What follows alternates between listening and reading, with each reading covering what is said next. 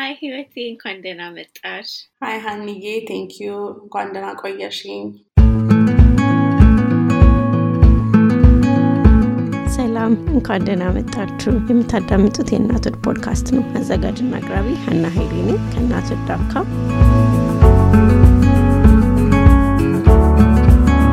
እናቱድ ስለ እናትነትና እናት ስለሚመለከታት ሁሉ ነገር የምንነጋገርበት መድረክ ነው። አብራችሁን ቆዩ። ሰላም፣ እንዴት ናችሁ? ሀና ነኝ። ዛሬ ከህይወቴ ጋር ስለ ጤናማ አኗኗር፣ non toxic living፣ ከመርዛማ ነገር ነፃ የሆነ አኗኗር ውይይት እናደርጋለን። ህይወቴ በ public health masters አላት። ከዛ በተጨማሪ ደግሞ በጣም በዚህ topic በተለይ ጤናማ ኑሮ ላይ passionate ስለሆነች እንደዚህ አይነት አኗኗር ስለምትከተል share የምታደርገው ነገር እኔ በጣም ነው የምወድ ማለት ከተለመደው የ public health ብዙ share ከሚደረጉ ነገሮች ወጣ ያለ holistic ሁለገብ የሆነ ከታመመን በኋላ ሳይሆን ከመታመማችን በፊት ጤናማ ኑሮ በሁሉም አንጻር የተሟላ ጤና እንዲኖረን በጣም ብዙ ነገሮች ነው share የምታደርገው። የማታውቋት ሰዎች ኢንስታግራም ላይ፣ ዩቲዩብ ላይ ሄዳችሁ የህይወቴ ሚዛን ብላችሁ search አድርጋችሁ share የምታደርገውን ነገር ብትከታተሉ በጣም ብዙ benefit ታደርጋላችሁ። ህይወቴ በድጋሚ እንኳን ደህና መጣሽ። ራስሽን ውይይታችን እንገባል። ህይወቴ እባላለሁኝ። ሀንዬ እንዳለችው ያው public health masters አለኝ። specifically environmental health ማለት እንግዲህ ያው አካባቢ ጤና በሚለው ብንተረጉመው ግን ብዙ ሰው ትልቅ አድርጎ ያየዋል። ያው ስለ አካባቢ ግን እኔ አካባቢን የማየው በት ሁኔታ ትንሽ ለየት ያለ ነው። ምክንያቱም እኛ ሰዎችም የአካባቢያችን የመልክዓ ምድራችን አካል ነን እና የኔ መንገድ የአካባቢን ጤና ለመጠበቅ መጀመሪያ ሰው ጤናማ መሆን ስላለበት እሱ ላይ ነው focus የማደርገው። ከዛ ደግሞ በተጨማሪ አካባቢያችን ውስጥ ያሉ ነገሮች፣ ኬሚካሎች ይሁን የምንጠቀማቸው ነገር ወይም ደግሞ ባህል፣ society general እንዴት የሰዎችን ጤና እሱ ላይ እንዴት ተጽዕኖ ይፈጥራል፣ እሱን ነገሮች ደግሞ እንዴት ጤናችን እንዴት መጠበቅ እንችላለን የሚለው ላይ ነው። የሁለት እናት የሁለት ልጆች እናት ነኝ እና ያ እና የምኖረው ደግሞ ሩዋንዳ ነው። በቃ ያ ህይወቴ የሩዋንዳ ነው የምኖረው ብላለች። ከዚህ በፊት ደግሞ እዚህ አሜሪካ ነበር የምትኖረው። ብዙ travel ታደርጋለች በሌሎች ክፍሎች። በድጋሚ ህይወቴን መልሰናት በጣም ብዙ ሌሎች በተለይ ልጆችን ይዞ መጓዝ፣ ሀገር መቀየር፣ ሌሎች በጣም ብዙ amazing የሆኑ ነገሮች share ታደርገናለች። ከ environmental health ስታነሺ ሰዎች እኛ ራሳችን የአካባቢው አንድ አካል ነን ያልሽውን ነገር ወድጀዋለሁ። ምክንያቱም ራሳችንን ከዛ ውስጥ አውጥተን ጤናችንን ልንጠብቅ አንችልም እና ለዛ ነው holistic የሆነ ሁለገብ የሆነ ጤና ላይ ትኩረት ስለምታደረጊ ሁልጊዜ ትኩረት የምሰጭባቸው ነገሮች social media ላይ share የምታደረጊው በራስሽ ኑሮ ልጆችን ስታሳድግ የምታደረጊው ነገር በጣም appreciate የማደርገው ከዛ አንጻር ነው። ስለዚህ በምን እንጀምር? non toxic living ከመርዛማ ነገሮች የጸዳ ወይም ደግሞ ጤናማ ኑሮ የምንላቸው ነገሮች ምንድን ናቸው? አንዳንድ ሰው ሰምቶም ላያውቅ ይችላል፣ ወይም ደግሞ confuse ሊያደርግ ይችላል እና ምንድን ነው እሱን እስቲ ንገሪኝ እና እንጀምር። እሺ ያው non toxic living አንቺም እንዳልሽው ወይም ደግሞ ከመርዛማ ኬሚካሎች ወይም መርዛማ ነገሮችን ጀነራል የራቀ ወይም ከሱ ነፃ የሆነ ያው በአሁን ዘመን ሙሉ ለሙሉ ነፃ ለመሆን በጣም ይከብዳል። ግን እንደዛ አይነት ነፃ የሆነ አኗኗር ስንል ብዙ ሰው መርዛማ ኬሚካል ምናምን ሲባል እንዳልኩሽ ቅድምም ይሄ ስለ environmental health ወይም ስለ አካባቢያችን ስናወራ ይሄ oil spill ነዳጅ ምናምን ባህር ውስጥ የሚደፋ ወይም ደግሞ የ factory ከፋብሪካዎች የሚወጣ ወይ ጭስ ይሆናል ወይ ፈሳሽ ይሆናል። እንደዛ አይነት ብክለትን አድርጎ ነው የሚያየው እና እሱ እንዳለ ሆኖ ያው እኛ እንደ ሰው እንደ አንድ ሰው ወይም እንደ ኢንዲቪዥዋል ያንን ነገር መቆጣጠር አንችልም። ከቁጥጥራችን ውጭ ነው። ስለዚህ ስለ እሱ በየቀኑ ልንጨነቅ አንችልም። ወይም ደግሞ እኛ አንድ ሰው ሆነን እንደ ህብረተሰብ ነው እንጂ አንድ ሰው ያንን ነገር ሊፈታ አይችልም። ግን ከዛ በተረፈ አሁን በአሁን ሰዓት ላይ ኬሚካሎች በእንደዚህ በፋብሪካ ደረጃ ወይም እንዳልኩሽ በትልቅ ደረጃ ብቻ አይደለም እኛን እኛ ጤናችን ላይ ተጽዕኖ የሚፈጥሩት ምንበላው ምግብ ጸረ አረም ጸረ ተባይ ይነፋበታል። እነሱ ብዙ ጤናችን ላይ ችግር አላቸው። የምንጠቀመው ሎሽን ሊሆን ይችላል። የምናጸዳባቸው ኬሚካሎች ሊሆኑ ይችላሉ። ልብሳችን ሳይቀር ይሄ ሰውን ለማስፈራራት ሳይሆን ኬሚካሎቹ በፊት እንደዚህ ርቀውን ሳይሆን ቤታችን ውስጥ አብረውን ነው ያሉት እና እንግዲህ ከሱ የነፃ አኗኗር ማለት የምናደርጋቸውን በዕለት ተዕለት የምንጠቀማቸውን ነገሮች የምናደርጋቸውን ነገሮች ቤታችን ውስጥ በተለይ አሁን ደግሞ ብዙ ሰው ቤታችን ውስጥ ብዙ ሰዓት እናሳልፋለን። ስንተኛ ያው ምንድነው በሚባለው ስምንት ሰዓት ምንተኛ ከሆነ ለምሳሌ መኝታ ቤታችን ውስጥ በቀን ውስጥ ከአራት ሰዓት ውስጥ ምናልባት ስምንት ሰዓት ወይ ከዛ በላይ ደግሞ ልጆች ከሆኑ ልናሳልፍ እንችላለን እና እሱ እሱ ነገሮችን ውስጥ ያሉ ኬሚካሎች ጤናችንን ሊጎዱ የሚችሉ ነገሮችን እንዴት አድርገን እናነጻለን ነው። እና ያው እኔ ብዙ ኬሚካል ላይ focus አደርጋለሁ። ግን ከኬሚካል ውጭ ደግሞ አካባቢ ውስጥ ሊሆን ይችላል። ጎጂ ባህል ሊሆን ይችላል። ምንድነው? ብዙ ጭንቀት የሚፈጥር stressful የሆኑ ምንድነው? ሁኔታዎች ሊያጋጥሙን ይችላሉ። እና ምንድነው? መቆጣጠር የማንችላቸው ብዙ ነገር ቢኖሩም ደግሞ እነዚህ ነገሮች ቤታችን በዕለት ተዕለት የምናደርገውን ነገር ለራሳችን ለምሳሌ የሚያስጨንቀን ነገር ካለ ያ ጭንቀት እንዲወገድ ምን ማድረግ እንችላለን? እነዚህ አይነት ኬሚካሎች ካሉ ሌላ የተሻሉ ያለባቸው ነገሮች የምንጠቀም ከሆነ ሌላ የተሻሉ product ወይም ደግሞ ምልሽሎሽንም ሆነ የምናጸዳበትም ነገር ሆነ የተሻሉ ምን ምርጫዎች አሉን እያልን ያው እያመዛዘንን የምንሄድበት ጉዞ ነው ብዬ ነው የምለው። እና እኔ ጉዞ ነው የምለው ምክንያቱም እንትን የለውም። በአንድ ጊዜ የሆነ ቦታ አንደርስም። እና ቀስ ብለን ምክንያቱም እኔ ራሱ መጀመሪያ ስጀምር የነበረበት እና አሁን ያለሁበት ብዙ ነገር ተምሬያለሁ። ብዙ ነገር የተማርኩትንም ደግሞ ወደኋላ ተመልሼ የቀየርኳቸውም ነገሮች አሉ። አንዳንዴ ያው እዚህ ቦታ ውስጥም ስንሆን አዲስ information በመጣ ቁጥር ወይም ህይወት ባስተማርን ቁጥር እያሻሻልን እየለወጥን የምንሄደው ነገር ስላለ እኔ ያው እንደ ጉዞ ነው የማየው። ግን በአጠቃላይ የ non toxic living የሚባለው ለእኔ ይሄንን ይመስላል። ወይም ከመርዛማ ነገሮች ኬሚካሎች የነፃ አኗኗር ጉዞ ነው ያልሽው በጣም ወድጃለሁ ምክንያቱም አንደኛ አንድ ቀን አድርገነው ከዛ በኋላ ማንደግመው ነገር አለኛው lifestyle ነው አንደኛ። ሁለተኛ ደግሞ በአንዴም አሁን ስታነሹ በጣም ብዙ ነው። ቤት ውስጥ አለ። ከኛ control ውጭ የሆነ ራሱ exposure አለን። ተጋላጭ የምንሆንባቸው የምንበላው አካላችን ላይ የምናስቀምጠው የምንተነፍሰው በጣም ብዙ ነው ማለት ምክንያቱም environment አችን ይሄ ሁሉ ነገር ስለሚጨምር including stress ይሄ ንጥረ ነገሮቹ ምናምን እንደዚህ የሚነኩ ሊሆን ይችላል ወይ? ቀጥታ ከሰውነታችን ጋር ግንኙነት ያላቸው ግን stress ደግሞ ያልሽው በተለይ ማይታይና like ማይጨበጥ ነገር ነው አይደለ? እሱንም ሁሉ የሚጨምር ስለሆነ በአንዴ ሁሉንም ነገር fix አናደረግም አሁን ይሄን topic ስናወራ ብዙ ሰው overwhelm ስለሚሆን ብዙ ነው ያልሽውን ነገር እኔም stress ማድረግ እፈልጋለሁ። ማለት ቀስ እያልን የምንሄድበት ከትላንትና ዛሬ ከዛሬ ደግሞ ነገ የተሻለ የምንሆንበት መንገድ ነው። ሌላው ጥያቄ ደግሞ እነዚህ ነገሮች እኮ በፊትም ነበሩ የሚል ሰው አለ። ዛሬ ምን ስለተፈጠረ ነው? እና ከበፊት የበለጠ አሁን ስለዚህ ጉዳይ መጨነቅ መጨነቅ እንኳን ባልለው የበለጠ ትኩረት መስጠት ያለብን ለምንድን ነው?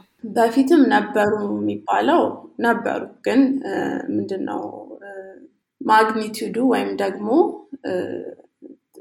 የኬሚካሎቹ ብዛት ምንድነው? የምንጋለጥበት የምንጋለጥበት ምን ልበለው በአማርኛ ግን ሬቱ በጣም ጨምሯል አሁን ምክንያቱም እየጨመረ ነው ጨምሯል በፊትም ከነበረበት እና በሱ መንገድ መጨነቅ አለብን እና ምናልባት እኔ የራሴን ምንድን ነው ተሞክሮ ወይም ወደዚህ ነገር እንድገባ ያደረገኝ ነገር ላንሳ እና ምናልባት ጥሩ ምሳሌ ሊሆን ይችላል ለሰው እና እኔ የዛሬ አስር ዓመት ያኔ እንግዲህ ልክ ከሀያ ዓመቴ I think አንድ ወር ምናምን በኋላ ነው የሶስተኛ ዓመት ተማሪ ነበርኩኝ ዩኒቨርሲቲ እያለሁኝ እና ዩኒቨርሲቲ dorm አችን ውስጥ ይሄ የጡት ካንሰር check ለማድረግ ጡት ድንገት any lump ወይም ደግሞ እንደ እጢ ነገር ካለ check የሚደረግበት ፖስተር ነበረ ሻወር ውስጥ እና ዝም ብዬ check አረግ ነበረ እና ምንም ነገር አግኝቼ አላቅም ከዛ በዛ ሰዓት አንድ ቀን እንደለመድኩት check ሳረግ የሆነ ነገር አገኘሁ ከዛ በጣም ደነገጥኩኝ እና አንድ nursing ተማሪ ጓደኛ ነበረችኝ። ከዛ የዛን ጊዜ እንደዚ አይነት ነገር አገኘሁኝ ምናምን ምናምን አይ አይዞሽ በቃ cyst cyst ነው የሚሆነው። cyst ማለት like ምንድነው ውሃ ፈሳሽ የሞላው እንደ tissue ነገር ነው እንግዲህ እንትናችን ውስጥ የሚፈጠር እና በተለያየ አይነት መንገድ ሊፈጠር ይችላል። እንደዛ ስትለኝ ተረጋጋሁኝ። okay ብዬ የትምህርት ቤት ክሊኒክ ሲሄድ check አደረጉኝ እና cyst አይደለም በጣም ጠንካራ ስለሆነ ሆስፒታል ሄደሽ radiologist ማየት አለብሽ አሉኝ ማለት ነው።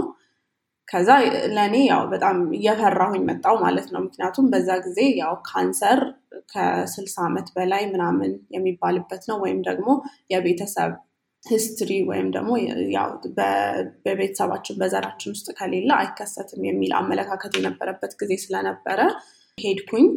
እና ያው radiologist ኦቹ በ ultrasound ሊያዩት ሞከሩ፣ ማየት አልቻሉም።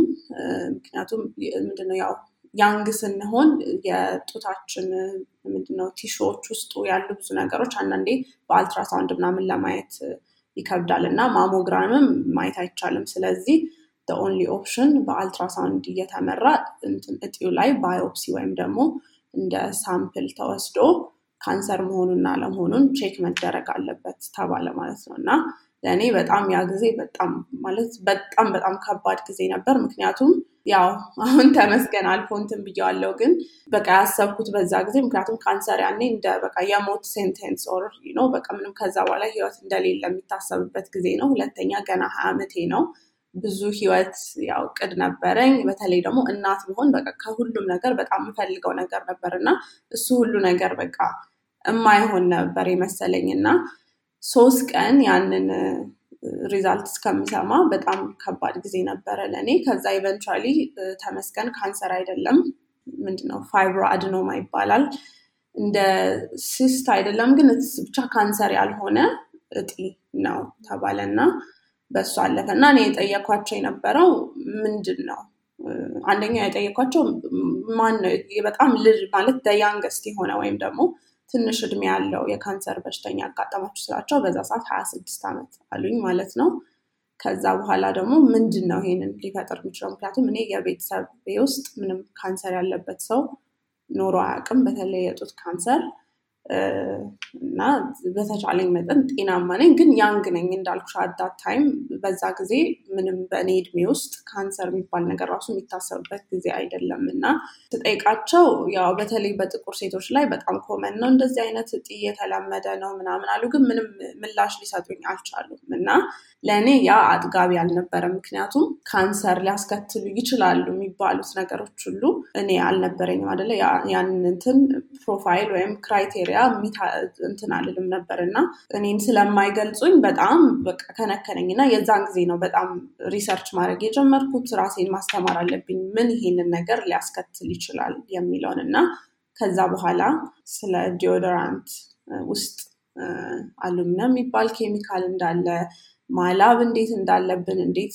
ማላባችንን እንደሚከለክል ብቻ ጤናችንን ብዙ የሚያውኩ ነገሮች በቃ ዕለት ተዕለት የምንጠቀመው ውስጥ ነገሮች እንዳሉ ከ deodorant ነው የጀመርኩት እና ሁል ጊዜ እንዲያውም እንደዛ ላለው deodorant ባለውለታዬ ነው ላለው። ምክንያቱም ዩቲዩብም ላይ መጀመሪያ የሰራሁት ቪዲዮ ስለ deodorant ነው። ይህንን ታሪክም አካፍያለሁኝ እና ብዙ ጊዜ ያው እንደዚህ አይነት ነገር የራሳችን የሆነ ወይ ምንድነው እንደዚህ አይነት የጤና እክል ወይ የሆነ challenge ይገጥመንና እንደዚህ አይነት ነገርን በደንብ ተመራምረን እውቀታችን እንድንጨምር ያደርገናል እና ከዛ በኋላ ነው actually public health እንደሚሄድ አውቀው ነበር። ግን more እኔ የእናትና የልጆች ጤና ላይ maternal child health በጣም ከድሮም በጣም የምወደው ነገር ስለነበር እሱ ነበረ ልገባበት ያሰብኩት። ከዛ ግን በጣም ይሄንን እየተማርኩኝ ስሄድ ስለምንበላው ምግብ ስለ ምክንያቱም ብዙ ጊዜ ኢትዮጵያ አሁን አሁን ያው በፊት organic ነው ማለት ምግብም organic ወይም organic ያልሆነ ሁላ ብለን አስበን አናውቅም። በቃ ምግብ organic ነው በሚል ሀሳብ ያው organic እንግዲህ ስንል ምንም ጸረ ተባይ ጸረ አረም የሌለው ማለት ነው። በተፈጥሮ መንገድ ያደገ ምግብ ብለን ስለምናስብ እንደዛ ነበረ። ግን ያው አሜሪካ ከሄድኩኝ በኋላ ያንን ሁሉ ነገር በደንብ እየተማርኩኝ ስመጣ okay I think እንትኔን መቀየር አለብኝ አቅጣጫዬን መቀየር አለብኝ ብዬ environmental health ውስጥ ገባሁ። ምክንያቱም environmental health እንዲያውም የጻፍኩት essay ሁላ መጨረሻው ላይ ትዝ ይለኛል application ኤ ላይ። ያው environment is what we eat drink and breathe and live in ብዬ ነው ያልኩት። እና ያው አካባቢያችን የምንተነፍሰው፣ የምንጠጣው፣ የምንበላው፣ የምንኖርበት ሁሉ አካባቢያችን ነው። እና እኔም ያው አካባቢያችን እኛን እንደዛ ይጎዳናል ማለት አካባቢ ውስጥ ያለ ነገር እንደዛ ይጎዳናል ብዬ አስቤ አላቅም ነበር። እና አሁን ደግሞ እንዳልኩሽ expose የምንደረገው ወይም ደግሞ ከኛ ጋር ሰውነታችን ላይ የምናደርጋቸው ነገሮች የምንበላቸው ነገሮች ከብዙ አይነት ኬሚካሎች ጋር ያገናኙናል። እና ብዙ ሰው አሁን ምናልባት ስለዚህ ስናወራ አይ ህግ አለ፣ በተለይ አሜሪካ regulation አለ፣ ቁጥጥር አለ። ስለዚህ በምንም አይነት የሰው ጤናን የሚጎዳ ነገር ሊሸጡልን አይችልም የሚል አስተሳሰብ አለ። እና ይሄ ደግሞ እኔም እዛ ትምህርት ውስጥም ስገባ በተለይ በምንድነው ኮስሜቲክስ ወይም ደግሞ personal care products ማለት በዕለት ተዕለት አሁን እንዳልኳችሁ ሎሽን፣ የፊት ቅባት ሊሆን ይችላል ጥፍር ቀለም፣ ሜካፕ ምናምን አይነት ነገሮችን መጀመሪያ toxicology የሚባል ኮርስ ስወስድ የተረዳሁት FDA ወይም ይሄንን ይቆጣጠራሉ የሚባሉ አካሎች ምንም አይነት ቁጥጥር እንደሌላቸው ነው። እና ቁጥጥራቸው በጣም እንትናቸው እነዚህ ነገር ከሚያመርቱ ኩባንያዎች ጋር ያላቸው ግንኙነት በጣም በቃ conflict of interest ያለው ወይም ደግሞ እንዴት ነው ህዝቡን የህዝቡን ጤና ወደ ላይ የማድረግ ሳይሆን ከእነሱ ጋር በቃ ያላቸውን ነገር ነው prioritize የሚያደርጉት። እና አንዳንዴ ሰው ይሄንን ሲሰማ almost እንዴት ነው ተስፋ የሌለው ነገር ሊመስለው ይችላል።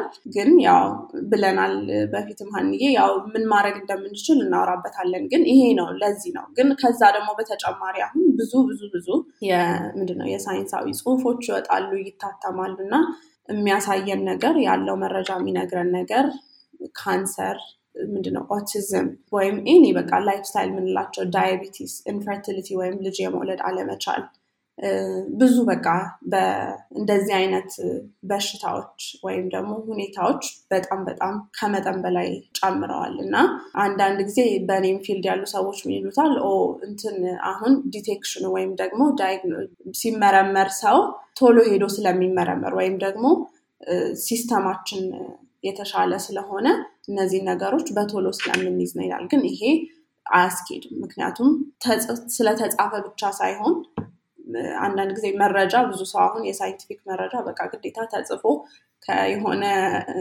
institution ወይ ዩኒቨርሲቲ ምናምን ካልታተመ እንደ መረጃ አናየውም። እሱ እንግዲህ የሌላ ጊዜ conversation ይሆናል። ግን እና ራሳችን ብንጠይቅ ብዙም ሰዎች የሚያወሩት ነው። በአያቶቻችን ጊዜ በእናት አባቶቻችን ጊዜ ያለውን እንደው ዝም ብለን እንኳን ብናጣራ እንደዚህ አይነት በሽታዎች በፊት በጣም አይሰሙም። አሁን ካንሰር ቁቁ የሚባልበት ጊዜ ነበር። አሁን ግን በጣም በቃ እውነቴን ነው ከጉንፋን ባላነሰ በጣም ካንሰር ሰው ተያዘ ሲባል በጣም ለምደነዋል።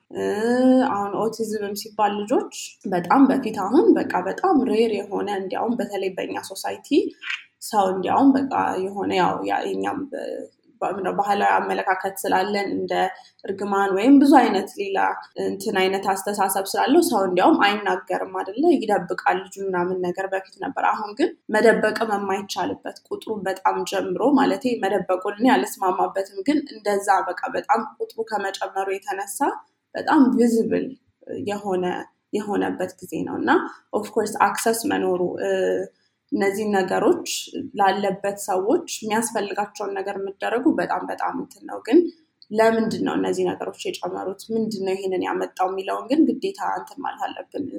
ኢትዮጵያም አሁን ካየሽ በተለይ kidney failure የኩላሊት እንትን ማድረግ ከጥቅም ውጭ መሆን አለመስራት በጣም በጣም በጣም ህፃናት ልጆች ላይ ሁላ እንትን ብሏል እና ብዙ ሰው ግን ሁልጊዜ እንትን እላለሁ dialysis center መስራት አለብን፣ dialysis center መስራት አለብን። ልክ ነው፣ ለእነዚህ ሰዎች መሰራት አለበት። ግን ከዛ በላይ ግን የሚጠቅመን ምንድን ያመጣው የሚለው ላይ ብንሰራበት እና ለእኔም ይሄ በጣም በቃ ውስጥ passion ኔ የሆነው ለዛ ነው። ምክንያቱም መከላከል የምንችላቸው ብዙ ነገሮች ስላሉ መጀመሪያ ከተከላከልን በኋላ ከሆነ አንዳንድ ጊዜ ተከላክለንም የማናመልጠው ነገር ሊኖር ይችላል። ከዛ ያን ጊዜ እነዛ resource ኦች ወይም ደግሞ ሕክምና center ኦች ወይም ደግሞ መድኃኒቶችም ሊሆን ይችላል። ግን መታከሚያ መንገዶች መኖራቸውን በጣም በጣም እናመሰግናለን። ግን መከላከል የምንችለውን ነገር መጀመሪያ ለምን አንከላከልም የሚል አመለካከት ስላለኝ ነው ይሄንን ነገር ማስተማርም መናገርም የጀመርኩት። ሰውም ደግሞ ስለዚህ ሊያስብበት የሚገባው ለዛ ነው። ምክንያቱም ብዙ ጊዜ አሁን እንዳልኩሽ ካንሰርም ኦቲዝምም infertility ም ሲሆን በቃ እንደ bad luck ወይም ደግሞ በቃ መጥፎ እድል እንደገጠመን ወይ በቃ ምንም እኛ ምንም control እንደሌለን ወይም ደግሞ ምንም አይነት ነገር መቆጣጠር እንደማንችለው ሲሆን ሲቀር በጣም አዝናለሁ። ምክንያቱም ብዙ ሰዎች ያንን ነገር መከላከል ስለምንችል እና ለዛ ነው ሰው ማወቅ ያለበት ስለዚህ ነገር ራሱን ማስተማር ያለበት። ግን እኛም ደግሞ እናውቃለን የምንል ሰዎች ለሰው ማካፈል ያለብን ብዬ ማምነው በዚህ ምክንያት ነው እና ሌላ አንጻር ደግሞ ስናየው ሰው ብዙ አይነት የጤና እክሎች ካሉት ህብረተሰቡ ላይ በጥሩ መንገድ contribution ወይም ደግሞ ማካፈል የሚችለውን ነገር ማካፈል አይችልም አይደለ እና አሁን ለምሳሌ በእናቶች አንጻር ብናየው ምንድነው ኦቲዝም ያላቸው ልጆች አሏቸው። በተለይ ደግሞ ያው severity ያለው ኦቲዝም በ spectrum ኡ ላይ በጣም ወደ መጨረሻ ወደዚህ more dependent የሆኑ እናታቸው ላይ ሲሆኑ ልጆቹም future ላይ contribute ማድረግ አይችሉም አይደለ? society ላይ ምክንያቱም ጤናቸው ትክክል ቦታ ላይ ስላልሆነ እናትም ደግሞ ልጆቿን take care ማድረግ ስላለባት ወይም ቤተሰቦችም ልጆቻቸውን ከሁሉም ሰው ማስቀደም ስላለባቸው እነሱን full time ምንድን ነው መከባከብ ስላለባቸው ወጥተው መስራት የሚችሉ ወይም ደግሞ ለህብረተሰቡ ማካፈል የሚችሉት ነገር ካለ ከእናትነት ውጭ ምክንያቱም እናትነት ራሱ ትልቅ responsibility ትልቅ ኃላፊነት ነው ህብረተሰብ ውስጥ የሚቀጥለውን generation ማሳደግ ግን ከዛ ውጭ ምናልባት እውቀት ኖሯቸው ለህብረተሰቡ የሚያካፍሉት ነገር ቢኖራቸው ያን ነገር ያክላቸዋል። እና ብዙ ጊዜ አሁን ምንድነው economist ኦች የ disease burden ብለው ወይም ደግሞ ምንበለው የህመም ሸክም ኢኮኖሚ ላይ የሚያመጣውን ብለው calculate ያደርጉታል። እና በሱ መንገድ ደግሞ ስናየው በሌላ መንገድ የሀገር እድገትን ብቻ እንዳለ የሀገርን ሁሉ የዓለምን ሁሉ የወደፊት ምልሽ ብዙ ነገር እንትን የሚል ነው። እና በብዙ መንገድ ነው እኔ የማየው። በጣም confuse እንዳላረግ ሰዎችን ግን በዚህ ምክንያት ነው። በ individual ም እንዳልነው የራሳችን ጤና ነው። የራሳችን እንትን ነው። ምንድን ነው ዌልነስ ደህንነት ነው። ግን እንደገና ደግሞ እያየንም እንደ ህብረተሰብም እንደ ሀገርም እንደ አለምም በአጠቃላይ ደግሞ ስናየውም ደግሞ በዛም መንገድ ብዙ ተጽዕኖ የሚያሳድር ነገር ስለሆነ ለዛ ነው እንግዲህ ሰዎች ስለዚህ ነገር ማወቅ አለባቸው። ስለዚህ ነገር በተቻላቸው መጠን መጠንቀቅ አለባቸው ብዬ የማስበው ክነሽ በጣም ሁሉም ባልሻቸው ነገሮች እስማማለሁ። ከዚህ በፊት Clubhouse ላይ ብዙ conversation ኦች በነበሩን ጊዜ ደጋግመሽ የምትይውን I wanna rephrase again መታመም ውድ ነው ትያለሽ ሁልጊዜ እና ያ በጣም ውድነቱ ደግሞ you know ለግለሰብም ለቤተሰብም ለሀገርም ያልሹ ሁሉ ነው። በዛ ላይ ደግሞ አሁን የምንጠቀማቸው product ኦች ራሳችን check ማድረግ አለብን። አሁን ነው የሚሸጠው ንግድ ላይ ያለው ሰው ለገበያተኛው በጣም care ያደርጋል ብለን ማለት በነጋዴው ላይ በሙሉ trust አድርገን ወይም ደግሞ እነዚህ produce የሚያደርጉት company ዎች ላይ trust ማድረግ ወይም ደግሞ institution ኦች ላይ ብቻ trust ማድረግ አንችልም። you know የትም ቦታ corruption እንዳለ ይታወቃል። በጣም ብዙ ጥናቶች እንዳልሽው you know በገንዘብ ወይ ፈንድ ይደረጉ እና ምናምን ልክ ያልሆኑ ነገሮች እንደሚያመጡ ምናምን ይታወቃል። ሰው የራሳችንን ጥረት ማድረግ በጣም አለብን። ሌላ በጣም ምስማማው ደግሞ ሁሌ እንደ reason የሚቀርበው አይ ብዙ በሽታዎች አሁን ጥሩ ምርመራ ስላለን ነው የምናውቀው የሚባለው ነገር በጭራሽ በጭራሽ የሚያስኬድ አይደለም። ማለት በእድሜያችን እኔ አሁን ባደግኩበት ጊዜ አንቺም ይሆናል በቤተሰብሽ you know የአክስት አጎት ልጅ አለ፣ የእህት ወንድም ልጅ ምናምን ይኖራል። እንደ ቤተሰብ ሙሉ ቤተሰቡን ስታይ ስናድግ የነበረ ጤና እና አሁን እኛ ልጆቻችንን ስናሳድግ የምናየው ጤና ምንም የሚገናኝ ነገር አይደለም። ማለት common sense የሆነ ማለት ማንም ሰው አይቶ ሊፈርድ በሚችለው ሁኔታ አሁን በሽታ በጣም በዝተዋል። እንዳልሽው ካንሰር፣ ይሄ neurological problem ኦች እንደ ኦቲዝም፣ ADHD፣ speech ራሱ even አሁን እነዚህ ችግሮች በብዛት የሚወሩ የነበረው እንደዚህ western ሀገሮች ላይ እንደ አሜሪካ እንደ አውሮፓ ምናምን ነበረ።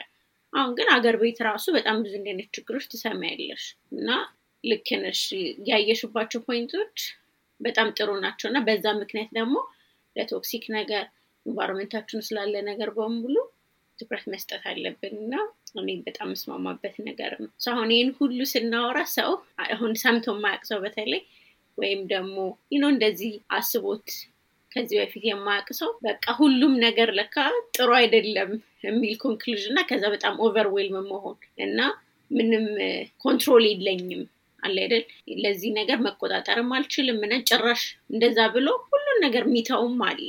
ማለት በቃ ማሰብ አልፈልግም ወይም ማሰቡ more ያስጨንቀኛል እና ይቅርብኝ። ሰው እንደዛ እንዳይሆን ቀላል ቀላል ነገሮች ከምን መጀመር እንደምችል። ምክንያቱም አንቺ share ስታረጊ በጣም ጥሩ እኔ ራሱ አስቤባቸው ማላቅ ለካ በቀላሉ ማድረግ የምችላቸው ነገሮች በጣም share ታደርጊያለሽ እና ከምን እንጀምር?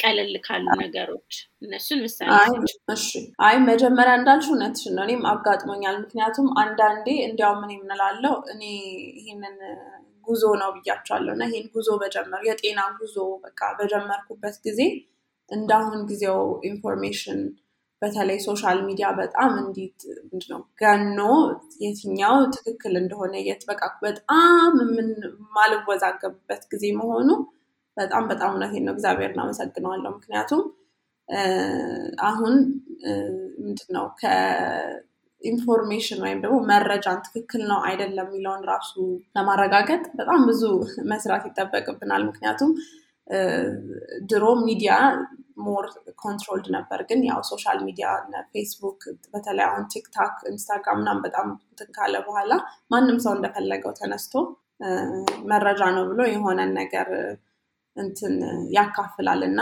እሱ ምንድነው ሊያስጨንቅ ይችላል። ግን አንቺም እንዳልሽው ብዙ ሰዎች አጋጥሞኛል። ሁሉ ነገር ካንሰር የሚያመጣው ከሆነ ሁሉ ነገር ዝም ምን ቸገረኝ ህይወቴን በቃ እንደፈለግኩኝ የፈለግኩትን አድርጌ enjoy አድርጌ እኖራለው ነው የሚለው። እና በእርግጥ እሱ አንድ መንገድ ነው አደለ አንድ መንገድ ነው። ግን እኔ ሁል ጊዜ የምላለው እንደዛ ለሚሉኝ ሰዎች ልክ ነው። ምንድነው? short term ወይም ለአጭር ጊዜ ህይወታችንን ደስ ብሎን የፈለግነውን ነገር አድርገን እንደፈለግነው ሆነን እንትን ልንል እንችላለን። ግን ያ ህመም ሲመጣ ከባድ ነገር የጤና እክል ሲገጥመን እንደዛ ማለት አንችልም። ምክንያቱም በምንድን ነው በገንዘብም ሆነ በ energy ም ሆነ በምንም ሆነ እኛ ብቻ ሳይሆን የምንወዳቸውን ሰዎች ቤተሰባችንን አካባቢያችንን ቅድም እንዳወራሁት እያለ እያለ እያደገ ብዙ effect ያለው ተጽዕኖ የሚያመጣ ነገር ስለሆነ እንደዛ ማድረግ አንችልም። ግን እኔ የምምለው ምንድን ነው እንዳልኩሽ ከባድ ነው አሁን። ግን እኔ አንዳንዴ እንዲያውም እውነቴን ነው በጣም information ብዙ እንደዚህ አሁን ይሄ ነገር ሊያሳም ይችላል ይሄ ነገር ሄዚቴት አደርጋለሁ ወይም ራሴን ትንሽ ቆጠብ አደርጋለሁ። ምክንያቱም ወይኔ አሁን ይህን ሁሉ ሰው ለራሱ ሰው የራሱ የዕለት ተዕለት ኑሮ ጭንቀት አለበት። እንደገና ደግሞ ይሄን ሁሉ የምትጠቀመው ነገር እንደዚህ ነው ብዬ ቆይ እንትን መፍትሄ የማልሰጥ ከሆነ ባልናገርስ ብዬ ራሴን እቆጥባለሁ። እውነት ለመናገር እና ግን ብዙ ማድረግ የምንችለው ነገር አለ። እና እንዳልኩት ምንድነው አንዳንዴ በቃ በጣም ትልቅ አድርገን ልክ አካባቢን ትልቅ አድርገን እናያለን ወይም አካባቢ ብክለት ምናምን እኛ ማንቆጣጠረው ብለን እንዳልን ሁሉ በራሳችን ደግሞ በዕለት ተዕለት መቆጣጠር የምንችለው ነገር አለ። እና አሁን እኔ ከዚህ በፊት ማካፍለው ጠዋት ተነስተን መስኮታችንን መክፈት ንጹህ አየር ማስገባት። ምክንያቱም አሁን እንዲያውም recently ደግሞ እዚህ ኪጋሊ ውስጥ ያው ወይዘሩ ምናምን የመታፈን ነገር አለ ምናምን ብሎ ብዙ ሰው በቃ እንዲያውም ማስክ አርጌ ነው ምወጣው ምናምን የሚል የሆነ ማይሆን information ሰው ሲያካፍል አግኝቼ ማስተካከል ነበረብኝ። በተሰራው research አሁን US EPA Environmental Protection Agency የሚባለው የአሜሪካ የአካባቢን ጤና የሚቆጣጠር እንግዲህ ወይም regulate የሚያደርግ አካል ውስጥ ያለው ቤታችን ውስጥ ያለው አየር ከውጭ ካለው አየር የተበከለ ነው የሚል ጥናት አጥንቷል። እንደገና ደግሞ በተለይ በውጭ አለም ለሚኖሩ ሰዎች እዚህም ነገሩ አሁን እንደዛ እየሆነ ነው። ብዙ ጊዜያችንን ከሰማኒያ ከዘጠና percent በላይ በተለይ ከኮቪድ በኋላ ቤታችን ውስጥ ወይም indoors አደለ ብዙ ጊዜ እናሳልፋለን። ስለዚህ ይሄንን ውስጥ ያለው አየራችን የተበከለ ከሆነ በጣም ቀላሉ መንገድ ሙሉ ቀን ላይሆን ይችላል ግን ለአስርም ለአስራ አምስትም ለሰላሳም ደቂቃ ቢሆን መስኮታችንን ከፍተን ንጹህ አየር ማስገባት። እሱ ደግሞ ምንድነው ምንድነው ከኬሚካል ከምን እንደዚህ አይነት ነገር ብቻ ሳይሆን የሚጠብቀን። እኔ አሁን ንጹህ አየር ስንተነፍስ ማንም ሰው የሚያውቀው ነው።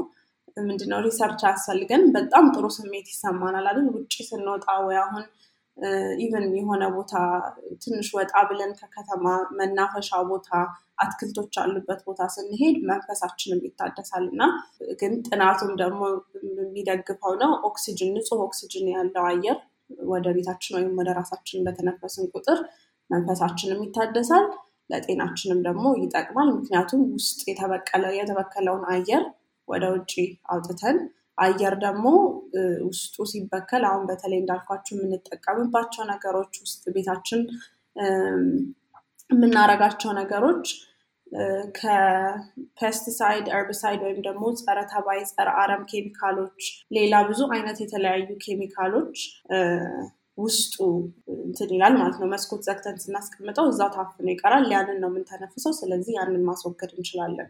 ሁለተኛ ደግሞ ቀላል በጣም የምለው በጣም አንዳንድ ጊዜ በጣም ሰው ሊከብደው የሚከብደው ሆኖ ያገኘሁት ቀላል ሆኖ ሳለ የሚከብደው ጫማ አለማድረግ ነው ቤታችን ውስጥ እና በጣም በጣም አሁን ኢትዮጵያ በተለይ የኛ ባህል ይሉኝታ ስላለብን በቃ እንግዳ ሲመጣ ምናምን እየፈለጉ ነው። አሁን ቤተሰቦች እውነቴን ነው ይፈልጋሉ። ምክንያቱም ከጤናማ አንጻር ብቻ ሳይሆን ሰው አንዳንድ ጊዜ ጭቃ አድርጎ ይገባል። ቤት ማጽዳቱ ምናምን ራሱ ስራ ነው እና ግን ሰው ደግሞ ይህንን አያከብርም፣ respect አያደርግም። እኔ በጤና ላይ ይሉኝታ የለም እላለሁ። ምክንያቱም ብዙ ጊዜ አሁን እኔ እንዲያውም በጣም የከበደኝ ቦታ ዩታ እየኖርን እያለ በጣም ነበር የከበደኝ። ምክንያቱም ሚኒሶታ በጣም ብርድ ስለሆነ ስኖ ምናምን ስላለ ሰው ሳይጠየቅ ጫማውን አውልቆ ሰው ቤት የሚገባው። ዩታ ግን ከነ ጭቃው ከነ እንትኑ እና ብዙ ጊዜ እኔ ልጆች በተለይ ስላሉኝ እላለሁ አውልቁ እና አበሾች ናቸው ደግሞ በጣም ከባድ የነበሩት እውነት ለመናገር አዲስ ጫማ ነው ያደረኩት ያለ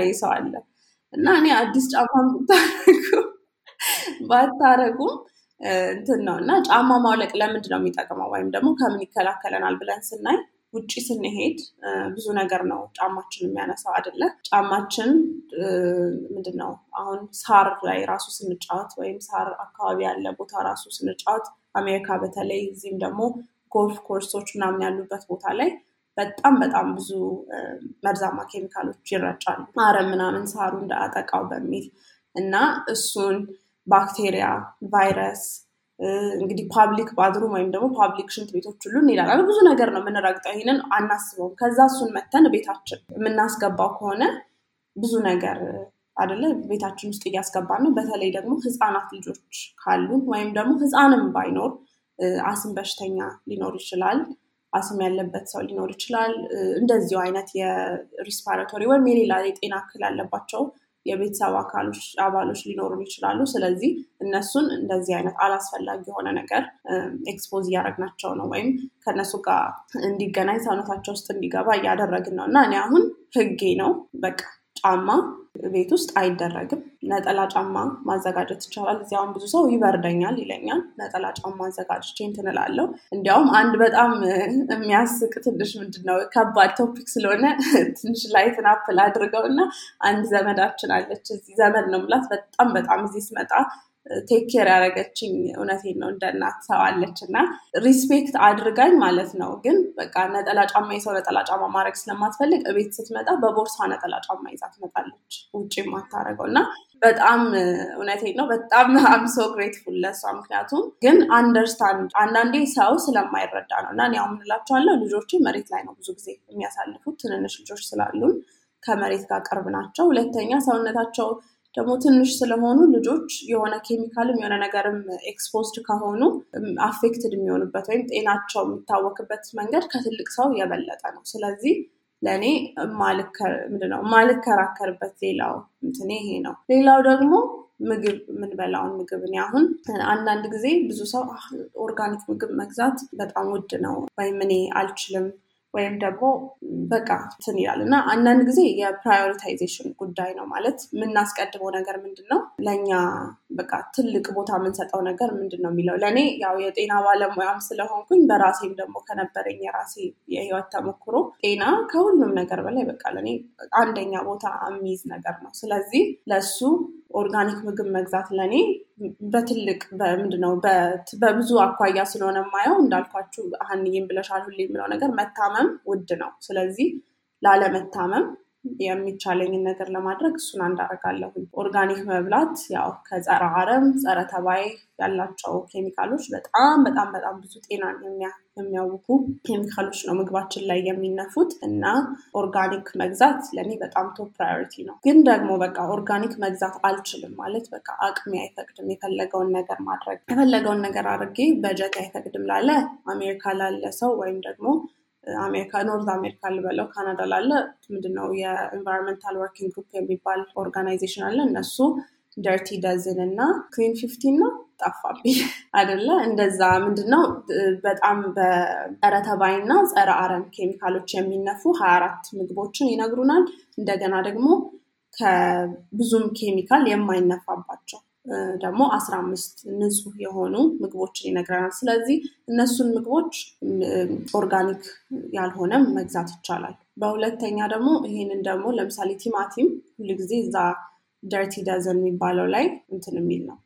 ያለ ምግብ ነው። ስለዚህ እኔ አሁን በፊት ሁሉንም ነገር organic መግዛት ሳልችል ቲማቲም ሁልጊዜም organic ነው የምገዛው ምክንያቱም ቲማቲም አሁን ሰላጣም ላይ ምናምን ስለምንጨምረው በጥሬው የምንበላው ነገር ስለሆነ። አንዳንድ ጊዜ ደግሞ ሰው ምን ይላል? ማጠብ ወይም ደግሞ መላጥ የውጭውን ከእንደዚህ ኬሚካል ሊያሽለን ይችላል ወይ የሚል ነው። እና እሱ አዎ እና አይደለም።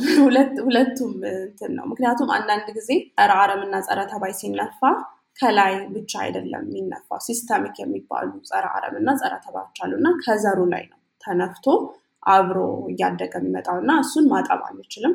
ነገር ግን organic በቃ መግዛት አልችልም ለሚል ሰው ደግሞ ሌላ alternative baking soda እና vinegar አድርጎ ለ10 15 ደቂቃ ምግብን ዘፍዝፎ ማጠብ።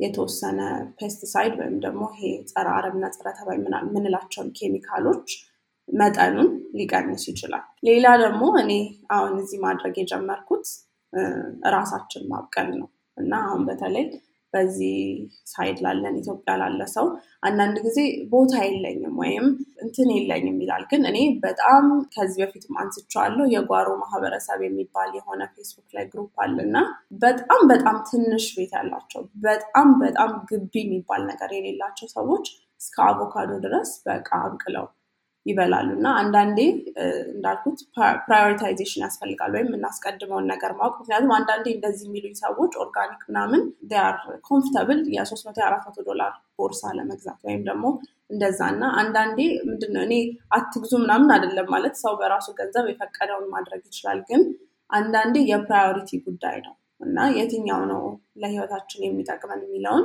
ማመዛዘን አለብን። እና በዚህ ጉዞ ላይ ሁልጊዜም እያመዛዘንን ነው የምንጓዘው። እና ለእኔ ኦርጋኒክ መብላት ወይም በቃ ጤናማ የሆነ ምግብ በአጠቃላይ መብላት በጣም ቀላልም ከባድም ሊሆን ይችላል። ግን በእኔ አመለካከት ደግሞ ቀላል ውሳኔ ነው። እንደ ውሳኔ ግን ደግሞ አሁን የነገርኳችሁን መንገዶች በመጠቀም ደግሞ በኢኮኖሚ ከሆነ ምክንያታችሁ ወይም ደግሞ ሌላ ሌላ ምክንያቶች ካሏችሁ ያንን ነገር ኦርጋኒክ የሆነ ምግብ መግዛት ማትችሉበት ነገር እንደዚህ አይነት ነገር መጠቀም ትችላላችሁ። ራሳችሁ ደግሞ ማብቀል ትችላላችሁ። እኔ በጣም በጣም የወደድኩት ነገር ነው። ከምንድነው ለውስጥ ጤና ብቻ ሳይሆን በቃ መንፈሴን በጣም ያደሰልኝ ነገር ሆኖ ነው ያገኘሁት የራስን ምግብ ማብቀል እና ብዙ ነገርም ደግሞ የሚያስተምር ነው። እውነት ለመናገር የ survival skill ነው ማለት በቃ ሰው ለመኖር ምንም ነገር አሁን ይሄ የምናውቀው አለም እንዳልሆነ ቢሆን የራስን ምግብ ማብቀል በጣም ለህይወታችን የሚጠቅመን ነገር ነው። survive ሊያስደርገን የሚችል ነገር ነው ብዬ ስለማምን በጣም ወድጀዋለሁ ልጆቼም በጣም ይወዱታል። እነሱንም አብረን ነው እኛ የምናስኮተኩተው። አፈሩን አቡክተው ምን ብለው ልክ ከራሳ እውነቴን ነው። ምግባችን ከየት እንደሚመጣ ራሱ ስናየው እኛ ከምግባችን ጋር connect የምናደርግበት የምንሰጠው ቦታና value ራሱ በጣም የተለየ ነው። ምክንያቱም እኔ አውቃለሁ እውነቴን ነው። ቲማቲም በቅላ ወፎች በልተውብኝ እውነቴን ነው ስንት ላይ half day ሙሉ ነው ያዘንኩት። ምክንያቱም no ሄደን ዝም ብለን ከእንትን grab ዝም ብለን ከ grocery store ምናምን እንደምናነሳው አይደለም። በጣም ብዙ ነገር ያስፈልገዋል። እና ልክ እንደ ልጅ በቃ ብዙ እንክብካቤ ስለሚያስፈልገው ያችን ነገር በጣም በቃ appreciate እንድናረጋት እንድናመሰግናት በጣም ጥሩ value እንድንሰጣት የሚያደርግ ስለሆነ እንዳልኳችሁ ዝም ብሎ የሰውነታችን ጤና ብቻ ሳይሆን አይምሯችንም ብዙ ነገር ጠቃሚ ሆነው አግኝቸዋለሁኝ እና ሌላው ደግሞ ያው እለት ተዕለት የምንጠቀማቸውን ነገሮች investigate ማድረግ ነው። እና እኔ አሁን ለሱ መስጠት የምፈልገው tip ምንድነው? እንዳልነው የሆነ ሁሉም ነገር በቃ toxic ነው ወይም መርዛማ ነው ብለን ስናስብ overwhelmed እንድንሆን እና ከየት እንደምንጀምር አናውቅም እና best place ማለት እኔ በጣም አሪፉ ቦታ ብዬ የማስበው ማድ ቤታችን ወይ ወጥ ቤታችን kitchen አችን ነው ምክንያቱም ምግብ ብዙ ሰው አሁን በተለይ ያው ብዙ ሰው አሁን I think በተለይ ምግብ ጤና ላይ ያለውን effect እያወቀው ስለመጣ ኢትዮጵያም በብዙ society የተቻለውን ባለው information ጤናማ ብሎ የሚያስበውን ለማድረግ ይሞክራል ብዬ አስባለሁ። እኔ የማየው ነገር ነው። እንዳልኩት ያው information ማመዛዘን አለብን። ምክንያቱም አንዳንዴ ለእኛ የሚጠቅመንን ሳይሆን በተለይ በዚህ በ social media ገንዘብ የሚገኝበት ጊዜ ስለሆነ የራሳቸው አጀንዳ ያላቸው ብዙ ሰዎች አሉና አንዳንዴ misinformation ወይም ደግሞ ያልሆነ የተሳሳተ መረጃ ሊሰጡን እና ወደማይሆን መንገድ ሊያመላክቱን ይችላሉ። ስለዚህ እሱን ማሰብ አለብን። ግን ምግብ ለእኔ back to basics ማለት በቃ ወደ እንትኑ ተመልሰን ምክንያቱም አሁን እንዳልኩት እንደዚህ እንደ ኬሚካል እንደ ኬሚካሉ በጣም ብዙ በቃ የሚያወዛግቡ እንትኖች ነው ያሉት። እኔ ግን አሁን ምንድን ነው የምለው ባህሌ ላይ በቃ ወደ ባህሌ ተመልሽ እሺ፣ የእኛ ቤተሰቦች ምንድን ነው የሚበሉት የነበረው ማለት ሙሉ ለሙሉ መቶ በመቶ እነሱ የሚበሉት ጤናማ ነው ለማለት አይደለም ግን በቃ በታሪካችን ስናይ አያቶቻችን ምናምን ምንድን ነው የሚበሉት? ምንድን ነው የሚያደርጉት የነበረው ለጤናቸው? እና እኔ አሁን ሀንዬም ስለ አያቶችሽ ምናልባት ትንሽ ትያለሽ ለሰዎች ምሳሌ እንዲሆኑ። ግን እኔ አሁን የአባቴ እንጀራ አባት ነበሩ እና መነኩሴ ናቸው። በጣም አሁን ነው I think ዘጠና አራት ዘጠና አምስት ዓመታቸው ሁለት ዓመት በፊት ያረፉት። እና በጣም ሩቅ ቦታ ነው በእግራቸው የሚሄዱት ማለት ማመን የማይቻል ያው ይጾማሉ፣ ይጸልያሉ።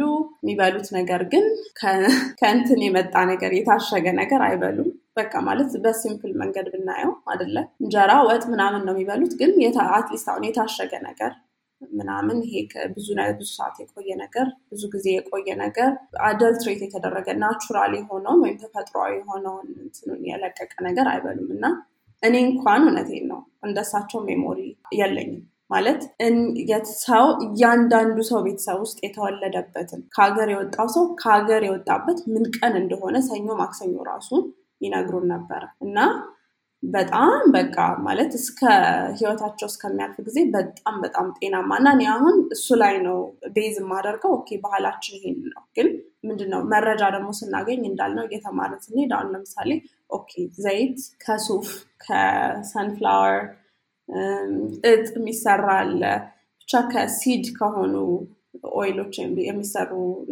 የሚወጡ ዘይቶች ተጨምቀው የሚወጡ ዘይቶች ለጤና ጉዳት እንዳላቸው እሱን አውቃለሁ። ስለዚህ ምናልባት እነዛ ሰዎች የሚጠቀሙበት ይህንን አዲስ መረጃ ስላገኘው የተሻለ ነገር አደርጋለሁ ማለት ነው። ግን እንዳልኳችሁ ብዙ ነገር የሚያወዛግብ ስለሆነ ወደ ኋላችን ተመልሰን ስለ basic basic በሆነ ነገር ምግባችንን ማስተካከል። ሌላው ደግሞ አሁን ለምሳሌ deodorant እንዳልኳችሁ ወይም ሎሽን እንዳልኳችሁ መቀየር የምትፈልጉ ከሆነ ምናልባት ጤና የሚጎዳ ኬሚካል ያለው እየተማራችሁ ስትሄዱ እያነበባችሁ ስትሄዱ ኦኬ ይሄ ነገር ለእኔ አይጠቅመኝም ካላችሁ በአንድ ጊዜ ያላችሁን አውጥታችሁ መጣል አትችሉም። ምክንያቱም በተለይ ከኢኮኖሚ አንጻር sense አይሰጥም ማለት በጣም ከባድ ነው አይደለ?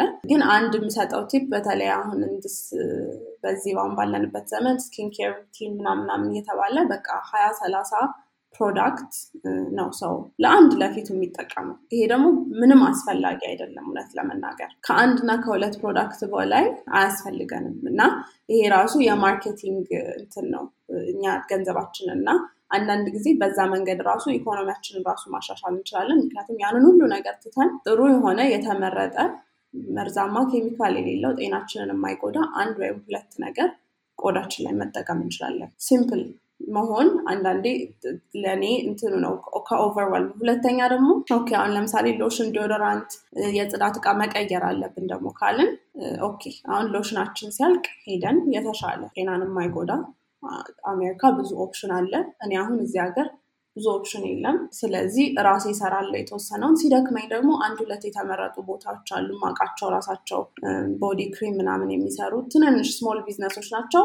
በ conversation ነው ይሄንን አትጠቀሙም ይሄን ትጠቀማላችሁ እያልኩኝ አጣርቼ እሱን ደግሞ ገዛለሁኝ ማለት ነው። እና ግን option ስላለ አሁን በተለይ አሜሪካ፣ ካናዳ፣ ምናልባት ዩሮፕ ካላችሁ እንደዚ አይነት ነገር ለመግዛት option አለ። እንደዛ እያረጋችሁ ሲያልቅባችሁ ሲያልቅባችሁ ታረጋላችሁ። ግን ብዙ ነገር simplify ካደረግናቸው ይሄንን ነገር overwhelm ኡ እየቀነሰ እየቀነሰ እየቀነሰ ወይም የሚያስጨንቀን ነገር እየቀነሰ እየቀነሰ ይሄዳል። ከዛ ደግሞ ጊዜ ባለፈ ቁጥር ጉዟችን ላይ እየቀጠልን እየቀጠልን በሄድን ቁጥር ደግሞ አዲስ ነገር እንማራለን። ግን የምናውቀው ነገር ደግሞ በደንብ ውስጣችን አብሮን ስለሚብላላ confidence ይኖረናል።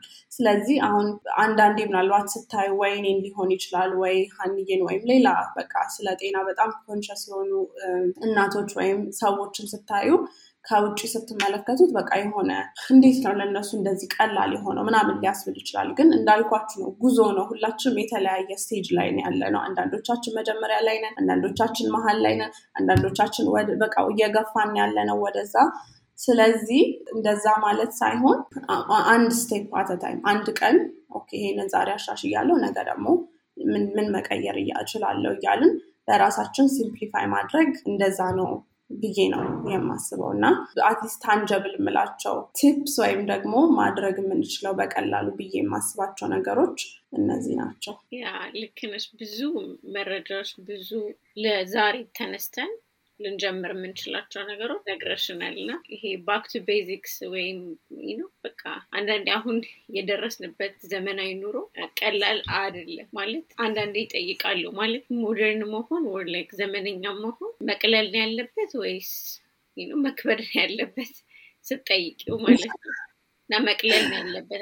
ግን አንዳንዱ ነገር እንዳልሽው በጣም ጨረሽ ተወሳስቦ ችግር ነው። ከዛ ደግሞ ይሄ ከቀለለ ደግሞ convenience አመጣ ከተባለ ደግሞ ጤናችንን በብዛት cost የሚያደርገው ቀላሉ ነገር አንቺ ካልሽው ለምሳሌ ቤት cook ማድረግ በጣም ብዙ ነገር ይቀንሳል። at least አይደለም ከተደረገ ነገር ከምንትን እና አያቶቻችን ያደረጉት የምትይው እኔ ስለ ጤና ከተነሳ አያቴም ምን ያደረጉ ነበር ብዬ ነው ማስበው። ብዙ በተለይ እናት ከሆንኩ በኋላ የሚገጥሙ ነገሮች ላይ በተለይ ለሴት አያቴ ደግሞ ቅርብ ስለሆንኩ still በህይወትም አለች እና እሷ ብትሆን ምን ታደርጋለች ነው የምለው።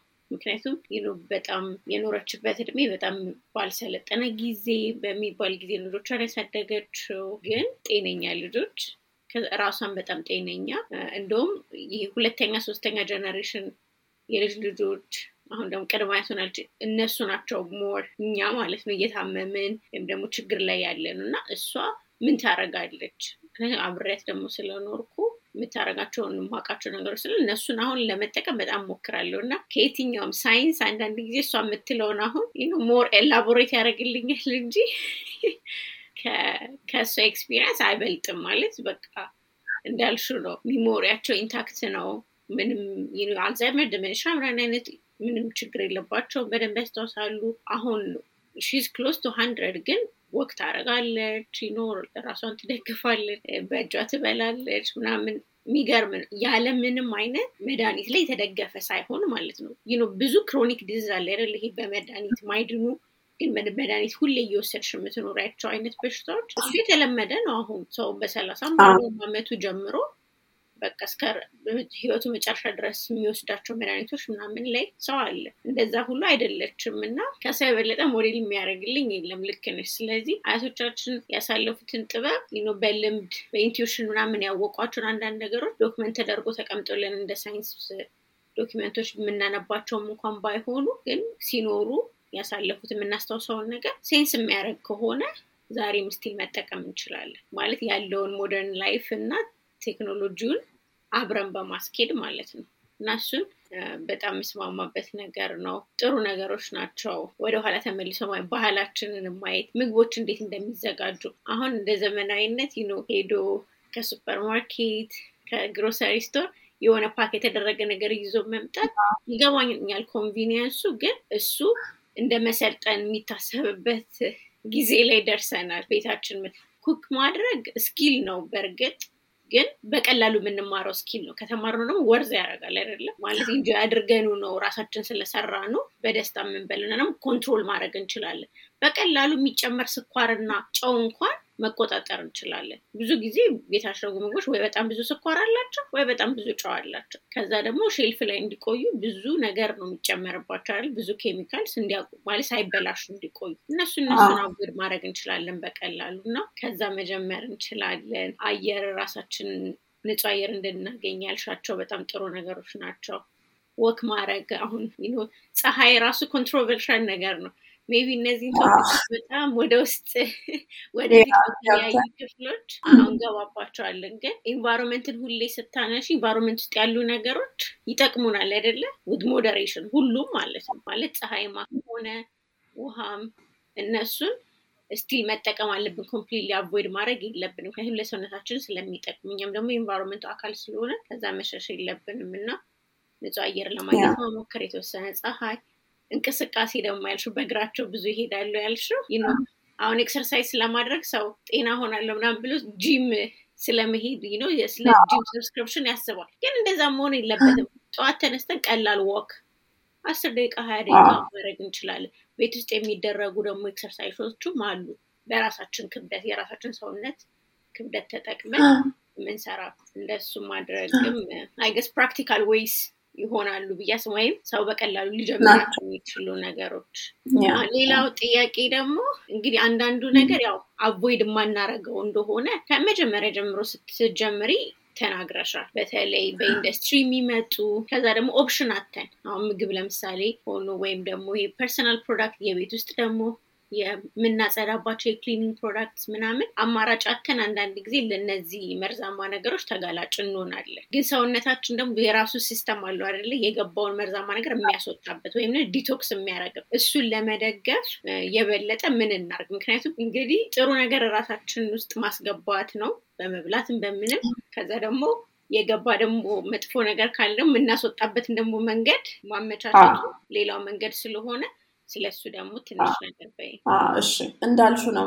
ምንድን ነው avoid የማናረጋቸው ወይም ደግሞ በቃ የፈለገ ነገር ብናደርግ ላንከላከል የምንችላቸው አንዳንድ ኬሚካሎች ሊኖሩ ይችላሉ፣ የተለያዩ exposure ኦች ሊኖሩ ይችላሉ እና አንደኛው ያው stress አለማድረግ ነው ማለት ግባችን መሆን ያለበት የምንችለውን እንቆጣጠራለን፣ የማንችለውን ደግሞ በቃ ያው ከአይምሯችን እናስወግደዋለን ማለት ምንም ማድረግ አንችልም አይደለ? እሱ አንደኛው ነው።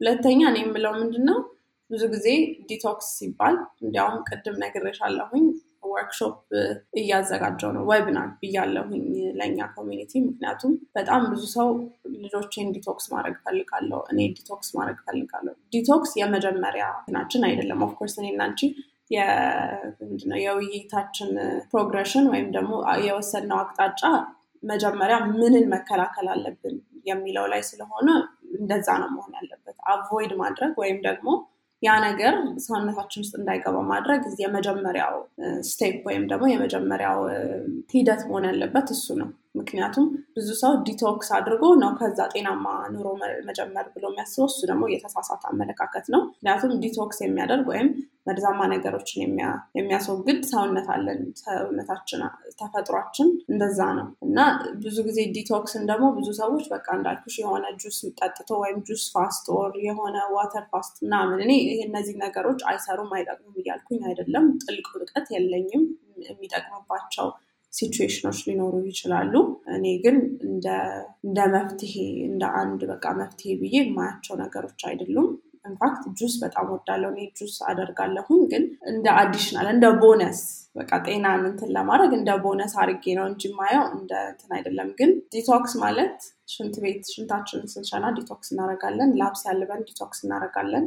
ወይም right poop ስናደርግ detox እናደርጋለን እና ብዙዎቻችን እነዚህን detox pathways ወይም እነዚህን መንገዶች በጥሩ ሁኔታ እንዲሰሩ ሳናደርግ ሌላ ከውጭ የሆነ ነገር አድርገን detox ማድረግ ያለብን ይመስለናል። እንዳልኳችሁ ማስወገድ መጀመሪያ ጤናችንን affect እንዳያደርገን ወይም ደግሞ ጤናችንን እንዳያውከን ማስወገድ የመጀመሪያ ነው። ሁለተኛው ደግሞ detox ማድረግ አለብን ካልን እነዚህን ሰውነታችን already ያለውን system ወይም መንገድ እንዴት አድርገን እንረዳዋለን ነው ሲባል የመጀመሪያ እንዳልኳችሁ ጤናማ አመጋገብ መብላት፣ አሁን በተለይ ኦርጋኒክ የሆነ በተፈጥሮ መንገድ ያደገ ምግብ መብላት፣ አትክልትና ፍራፍሬ አዘውትሮ መመገብ እሱ የ detox organ ኦቻችንን አሁን liver ኣችን ወይም ጉበታችን ብዙ ነገር መርዛማ ኬሚካሎችን አጣርቶ እንትን የሚያደርግ ነው። ካጣራ በኋላ ግን ድርቀት ካለብን በሶስት ቀን በአራት ቀን ከሆነ እውነቴን ነው ሽንት ቤት ተቀምጠን ካካ የምናደርገው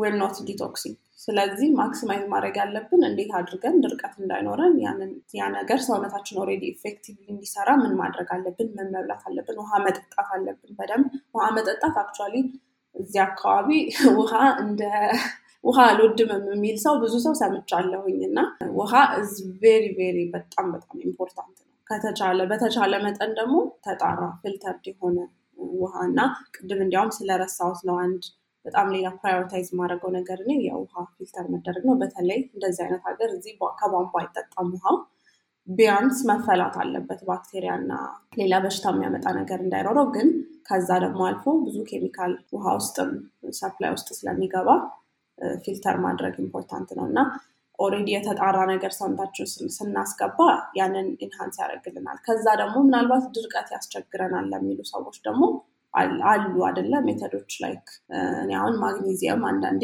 medical advice መስጠት አልፈልግም፣ ግን ማግኔዚየም ብዙ ጊዜ deficient ነን። ምክንያቱም በፊት የምናገኘው ከአፈር ውስጥ ነበር። አሁን ግን አፈሩ ያው ብዙ ጸረ አረም፣ ጸረ ተባይ ስለሚነፋበት እንደገና ብዙ አይነት የኬሚካል ማዳበሪያ ስለሚደረግበት content ኡ ውስጡ የምናገኛቸው ንጥረ ነገሮች በጣም የወረደ ስለሆነ ማግኔዚየም ማድረግ ይቻላል። ወይም ደግሞ ተልባ፣ chia seed እንደዚ አይነት ነገር አድርጎ effective ማድረግ ይቻላል። ሌላ ደግሞ እኔ በጣም የምወደው ነገር ያው የ modern invention ኦች አንዳንድ ጊዜ ወደፊት ሳይሆን ወደኋላ ያስኬዱ ነገሮች አሉ። በፊት አሁን ቁጢጥ ብሎ ሽንት ቤት መቀመጥ በቃ በጣም ኋላ ቀር በጣም backward የሆነ ነገር ተደርጎ ነው የሚነገረን። ግን በጣም effective የሆነው መንገድ actually በተለይ አሁን ድርቀት ያለበትም ሰው ምናምን ብለን ሰውነታችን እንዳንጎዳ ሽንት ቤቶች አሁን ከፍ ያሉ ስለሆኑ በተለይ ደግሞ እኔ አሁን አጠር ያልኩኝ ነኝ። አጭር ከሆናችሁ ይሄ እንደዚህ ስንቀመጥ አለ አይደለ ጉልበታችን እንዲህ ሆኖ ነው መቀመጥ ያለበት። ላይ ወደ ላይ ሆኖ ያንን process በደንብ በጥሩ መንገድ እንትን እንዲለን እና squat pot ይሏቸዋል። ትንሽዬ ዱካ ወንበር ነገር ከሽንት ቤታችሁ ስር አድርጋችሁ ያንን position ማድረግ ይቻላል። እሱን እንትን ለማድረግ ማለት ነው። ሌላ ደግሞ እንዳልኳቸው of course ሌላ add የምታደርጓቸው ነገሮች አሉ። እንዳልኩት እንደዚህ ምናልባት አንዳንዴ supplementation ወይም supplement ኦች necessary ሊሆኑ ይችላሉ፣ ምን ይችላሉ። ግን ለእኔ that's በእኔ አመለካከት that's best detox እንዳልኩኝ avoidance first፣ ከዛ ደግሞ ጤናማ የሆነ አመጋገብ መኖር overall ማለት ነው እና በተቻለ መጠን አሁን ለምሳሌ constipation ወይም ደግሞ ድርቀት ከ stress ሊመጣ ይችላል፣ ከአመጋገብ ሊመጣ ይችላል እና እነዚህ ነገሮች investigate ማድረግ ነው። እና በተለይ stress ብዙዎቻችን በተለይ ከጤናማ ኑሮ ጋር ማናያይዘው ልጆች ሰዎች ልንኖር እንችላለን፣ ግን በጣም important ነው። እና አሁን ደግሞ የምንኖርበት በጣም stressful environment ነው ማለት በተለይ information ስለ everything ስለ ዓለም ስለ በፊት አስበናቸው ማናቃቸው ሀገሮች ራሱ አሁን ውስጣቸው ምን እየተፈጠረ እንደሆነ በየቀኑ ይለናል። እና እኔ እሱ ራሱ detox ነው ብዬ ነው የማስበው ዜና አልሰማም። የምፈልገውን ነገር አነባለሁ። ምክንያቱም natural አይደለም። በቃ all the time ይሄንን ሁሉ information ሰው process በማይችለው ማለት በማይችለው መጠን ነው bombarded እየሆንን እየተሸከምን ያለ ነው እና እሱም ለእኔ form of detox ከሱ እንትን ማለት እንዳልኳቸው ብዙ ነገሮች የተያዙ ስለሆኑ stress አንዳንዴ በ stress ምክንያት ምናልባት constipation ሊገጥመን ይችላል። detox ላናደርግ እንችላለን። ሌላው ደግሞ ማላብ ነው። ማላብ በጣም እንዳልኳችሁ ያው ኬሚካል ማላብን block የሚያደርጉ antiperspirant የሚባሉ deodorant ኦችን አትጠቀሙ። ምክንያቱም already ያንን የሚያስወግደውን ነገር block እንዳታደርጉት ማለት ነው። እና sauna access ካላችሁ ሳውና፣ ከሌላችሁ ደግሞ ዘጥ ዘጥ ማለት ነው። really እንዲያልበን ምክንያቱም that's really good form of detox እና እኔ አንዳንዴ እንዲያውም ስፖርት ራሱ ሳይሆን ብዙ ጊዜ አሁን exercise ማድረግ አለብኝ ምናምን ላለው ግን በጣም ብዙ ጊዜ ውጭ በተለይ አሁን ምግብ ምናምን ስለምተክል በጣም ብዙ time ውሃ ሲሄድ ምናምን ምናምን exercise እንዳረኩኝ ይሰማኛል እና አንዳንዴ ለእኔ detox የምላቸው ያ ናቸው። ከዛ ደግሞ ባለፈ መጠን አንዳንድ ጊዜ በጣም heavy metal ምናምን ልጆችም ትልቅ ሰውም poisoning ወይም ደግሞ በጣም በቃ toxic የሆነ burden ኡ በጣም ከባድ ሲሆን professional የሆኑ የታመኑ የጤና ባለሙያዎች ጋር ሄዶ እነሱ በሚሰጡት መንገድ detox ማድረግ ይቻላል። ግን ብዙ ሰዎች አሁን በተለይ ብዙ company ዎች አሉ የ detox kit detox፣ spray detox ምናምን እያሉ ብዙ በጣም በውድ የሚሸጡ እና በተለይ አሁን እኛ community ውስጥ የሀበሻ እናቶች group ውስጥ I see ብዙ ሰዎች ይህን ተጠቅማችሁ ታውቃላችሁ። የልጄን detox እና በተለይ ለልጆቻችሁ please detox ላይ በጣም በጣም በጣም በጣም በጣም ተጠንቀቁ። ምክንያቱም የልጆች ሰውነት ገና fully develop አድርጎ አልጨረሰም እና በተለይ ከውጭ የመጡ ያልታወቁ ያልተመረመሩ ነገሮችን ውስጣቸው አድርጋችሁ detox አደርጋለሁ ብላችሁ እባካችሁ አታስቡ።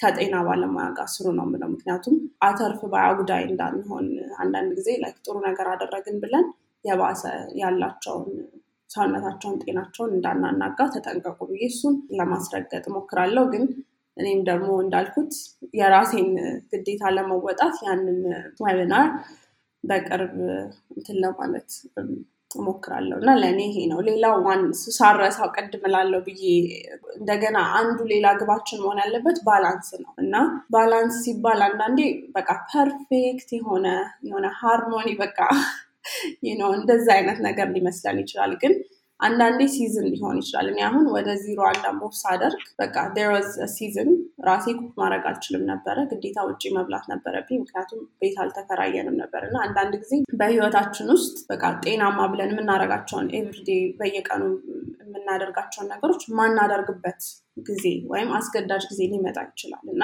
እሱን ተቀብለን በቃ አሁን ውጭ መብላት አለብኝ፣ ስለዚህ ስለ toxic chemical ምናምን በየቀኑ ማሰብ አላስብም ነበር በቃ በላሁ እና at that time ለ survival ማድረግ ያለብኝ ነገር አለ እና balance አንዳንዴ እንደዛ ሊሆን ይችላል። በአንዳንድ ወቅት completely ከምናስበው ውጭ የሆነ ነገር ልናደርግ እንችላለን። ከዛ አንዳንዴ ደግሞ በጣም በአሪፍ ሁኔታ የምንፈልገውን የራሳችንን የጤና መርህ ተከትለን ልንሄድ እንችላለን። አንዳንዴ ደግሞ እንደዛ ሊሆን ይችላል አይደለ? ወይም አሁን ለምሳሌ በፊት እኛ ውጭ ብዙ አንበላም፣ ግን enjoy ማድረግ ስንፈልግ ደግሞ በወር አንዴ ወይ ሁለቴ ራሳችንን እንላል በቃ ምን የሆነ ቦታ ወተን እንብላ ዘና እንበል ብለን እናደርጋለን። ስለዚህ balance ላይ ነው strive ማድረግ ያለብን። ግን እንዳልኳችሁ balance ለእያንዳንዱ ሰው በጣም የተለያየ meaning ነው ያለው እና it's not በቃ perfect የሆነ ሁሉም የተመጣጠነ ምናምን ነገር አይደለም። seasonal ም ሊሆን ይችላል። እንደየጊዜው እንደየሁኔታው በተለያየ መንገድ እንትን ልንለው እንችላለን። ያ እኔ ያው ስለ detox እና ስለ እንትን ያለኝ ይሄ ነው። ልክ ነሽ። የ detox information ከ social media ወይም እንዲሁ በጠቅላላው ከኢንተርኔት የምንወስድ ከሆነ በጣም የሚያሰጉ ብዙ ነገሮች አሉ። እንዳልሽ ብዙ product ይሸጣል። ደግሞ supplement ጭራሽ ዝም ብሎ የምትገዥውን company አምነሽ ካልሆነ ምንም authority ዎቹም የሚያዩት አይደለም። የትም የተመረተ ሊሆን ይችላል እና እሱን መጠንቀቅ በጣም ያስፈልጋል።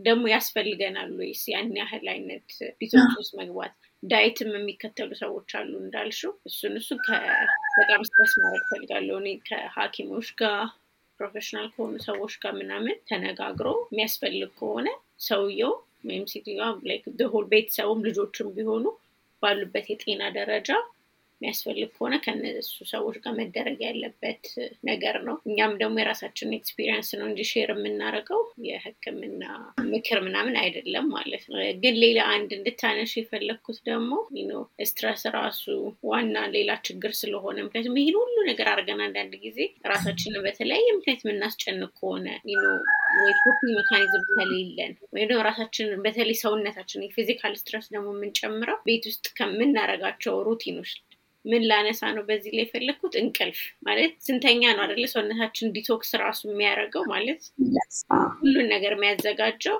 እና የእንቅልፍ ጊዜያችን በጣም የተበከለ ነው ማለት ራሴም ራሱ እንደዛ ችግር ውስጥ ስገባ አየዋለሁ። ስልክ ይዘን እንተኛለን። የሆነ መብራት ነገር አለ። የምንተኛበት environment ጥሩ አይደለም። ሳናርፍ ነው የምንነሳ እና ብዙ ጊዜ የተኛን ይመስለናል እንጂ ጠዋት ስንነሳ በጣም ተጫጭኖን ሰውነታችን የሚገባውን ያህል ሳያርፍ ነው የምንነሳ እና እሱ በቃ ተደራርቦ ተደራርቦ ሌላ ቦታ የሰራነው ስራ ራሱ ገደል ይገባል እና እሱ ላይም በቀላሉ ማድረግ የምንችላቸውን ነገሮች በደንብ highlight አድርጊልንና እሺ።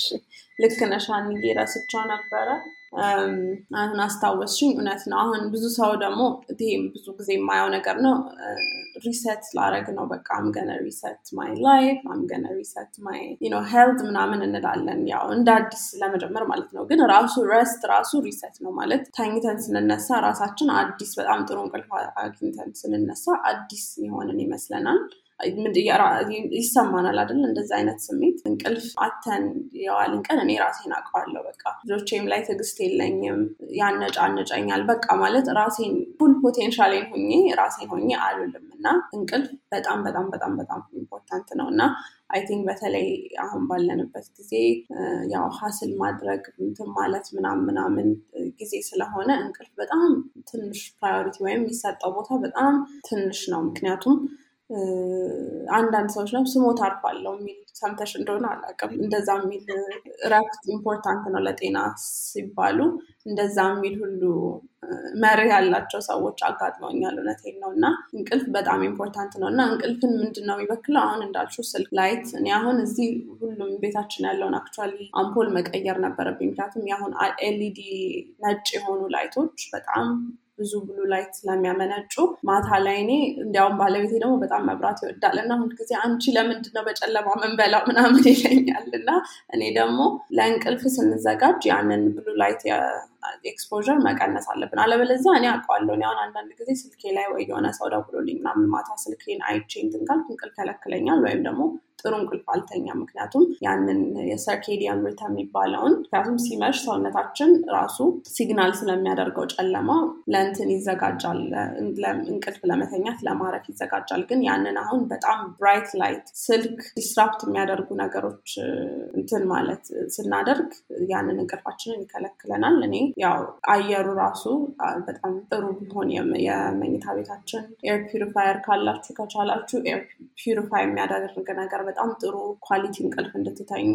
እሱን ደግሞ የማትችሉ ከሆነ አትክልቶችን ማድረጋችሁ ጥሩ environment እንዲሆን ስለማድረስ ምናልባት ሌላ ጊዜ አወራበታለሁ። ግን ምንተኛበት አተኛኝ position ኣችን ምናምን ራሱ በጣም matter ያደርጋል። አሁን እኛ እዚህ book ካረግን በኋላ ብዙ ነገር ነው የተረዳ ነው ትራሳችን ምናችን። ምክንያቱም አሁን እንዳልነው በ modern invention ተብሎ ብዙ ነገሮች ከመልክ አንጻር ነው እንጂ አንዳንድ ጊዜ አይጠቅሙንም። እንዲያውም እንቅልፋችንን completely የሚያናጉ ብዙ ነገሮች አሉ እና ምንድነው overwhelm ማድረግ አልፈልግም እናንተን ግን በተለየ ስልኩ እኔ አሁን ስልኬን airplane mode ላይ አድርጌ ወደ ሌላ ጋር አድርጌ በፊት እንዲያውም bathroom ኣችን ውስጥ መሰኪያ ስለነበረን ሽንት ቤት ውስጥ አድርገን ነበረ ምንተኛው እዚህ የለውም ሶኬት bathroom ኡ። ስለዚህ ሌላ ቦታ አድርገን ነው እንደዛ ነው የምናድረው እና እንደገና ደግሞ ጨለማ light ምንም አይነት ከውጭ ምናምን አሁን በተለይ light pollution አለ በየከተማ ውስጥ የምትኖሩ ከሆነ እና blackout curtain በቃ complete ጨለማ የሚያደርግ ያንን ሰውነታችንን እንዲያደርግ እንትን ማለት ነው። ያ ግን ሰውነታችን detox ም ለማድረግ ብዙ ነገር ለማስተካከል balanced ለመሆን እንቅልፍ በጣም በጣም በጣም important ነገር ነው እና እሱ ላይ maximize ማድረግ አለብን። አንዬ thank you ስላስታወሽ ረስቸው ነበረ። እንደገና ሌላ ደግሞ ምን አስታወስኩኝ ስልካችንን airplane mode ላይ አድርገን ስቲ ያው airplane ላይ mode ላይ ሲሆን ምንድነው የሚያጠፋው? ኢንተርኔት የቤታችን ደግሞ ዋይፋይ ካለ እሱን ሁሉ ነው የሚያጠፋው አይደለም። እንግዲህ ይሄ በጣም ሰፊ topic ስለሆነ የመጀመሪያ introduction እንደሆነ ይታወቅልን እንጂ EMF exposure ራሱ ይሄ ዋይፋይ ከስልካችን ከ data ምናምን የሚመጡ ነገሮች ራሱ ቴክኖሎጂ ቅርብ ጊዜ ያመጣቸው ናቸው እና ሰውነታችን ላይ ያለው effect አንዳንድ የሚመጡ ጥናቶች አሉ። ግን እኔ እስካሁን ባነበብኩት ጉዳቱ አልታወቀም ብለው የደመደሟቸው ነገሮች አሉ። ግን አለመታወቅ ማለት ጉዳቱ የለም ማለት አይደለም። ስለዚህ ይሄ ራሱ ሌላ effect ያለው ነገር ስለሆነ at least ቀን እየተጠቀምንበት እየሰራንበት ከሆነ it's fine። ከዛ ግን በምንተኛ ሰዓት ለምንድን ነው የምንተኛበት ሰዓት እኮ ረጅም ነው አይደለም እሱ ጊዜ ደግሞ በተለይ በጣም ሰውነታችን ማረፍ ያለበት detox የሚያደርግበት ጊዜ ከሆነ ያን ጊዜ maximize እንዳልሽው ማለት ነው። በጣም የተሳካ እና ሰውነታችን ያን ጊዜ በደንብ እንዲጠቀመው ለማድረግ ያው ይሄ light ማየቱን መቀነስ ይዞ ወደ መኝታ ለመግባት አየሩን መግባት የምንችልባቸው መንገዶች ካሉ እሱን ማድረግ የምንተኛበትን ምናምን ብለሻል። እነዚህ አንድ ጊዜ ከተደረጉና routine ካረግናቸው actually በጣም ቀላል ነገር ነው። እዛ ውስጥ አንደኛው ያው ይሄን ማጥፋት ሊሆን ይችላል። ሌላ አንድ ነገር ገዝቼ በጣም ሲረዳኝ የነበረ ቤት ውስጥ ያሉ WiFi router ኦች አሉ አይደለ? እነሱን በየማታው እየሄድሽ ማጥፋት በጣም ከባድ ነው። ማለት ላላስታውሰው እችላለሁ። ስንት ነገር አለ ልዩ ነው። like ልጆችን take care ማድረግ ራት አለ ምናምን፣ ግን switcher አለ። like በተለይ እዚህ ሀገር የሚኖሩ ሰዎች ሼር አስር ብር ናት የምትሸጠው። ከዛ time አለችው በይሞላ እና ስዊች ያደርገዋል ራሱ ያጠፋዋል። ከዛ ጠዋት ደግሞ ያበራዋል ማለት በምንፈልገው ሰዓት set ባረግነው ሰዓት እና የ at least ያንን የተኛንበት ጊዜ የ EMF exposure electromagnet ማለት ነው የእሱን exposure ይቀንስልናል። ስልካችንንም ደግሞ እንደዚ airplane mode ማድረግ ይረዳል። ወይም ደግሞ ከምንተኛበት ክፍል እንዳልሽው ሌላ ቻርጅ ማድረግ አርቆ ማለት ነው። እንግዲህ እነዚህን topic ኦች ያው አይ ነው ልክ ነሽ።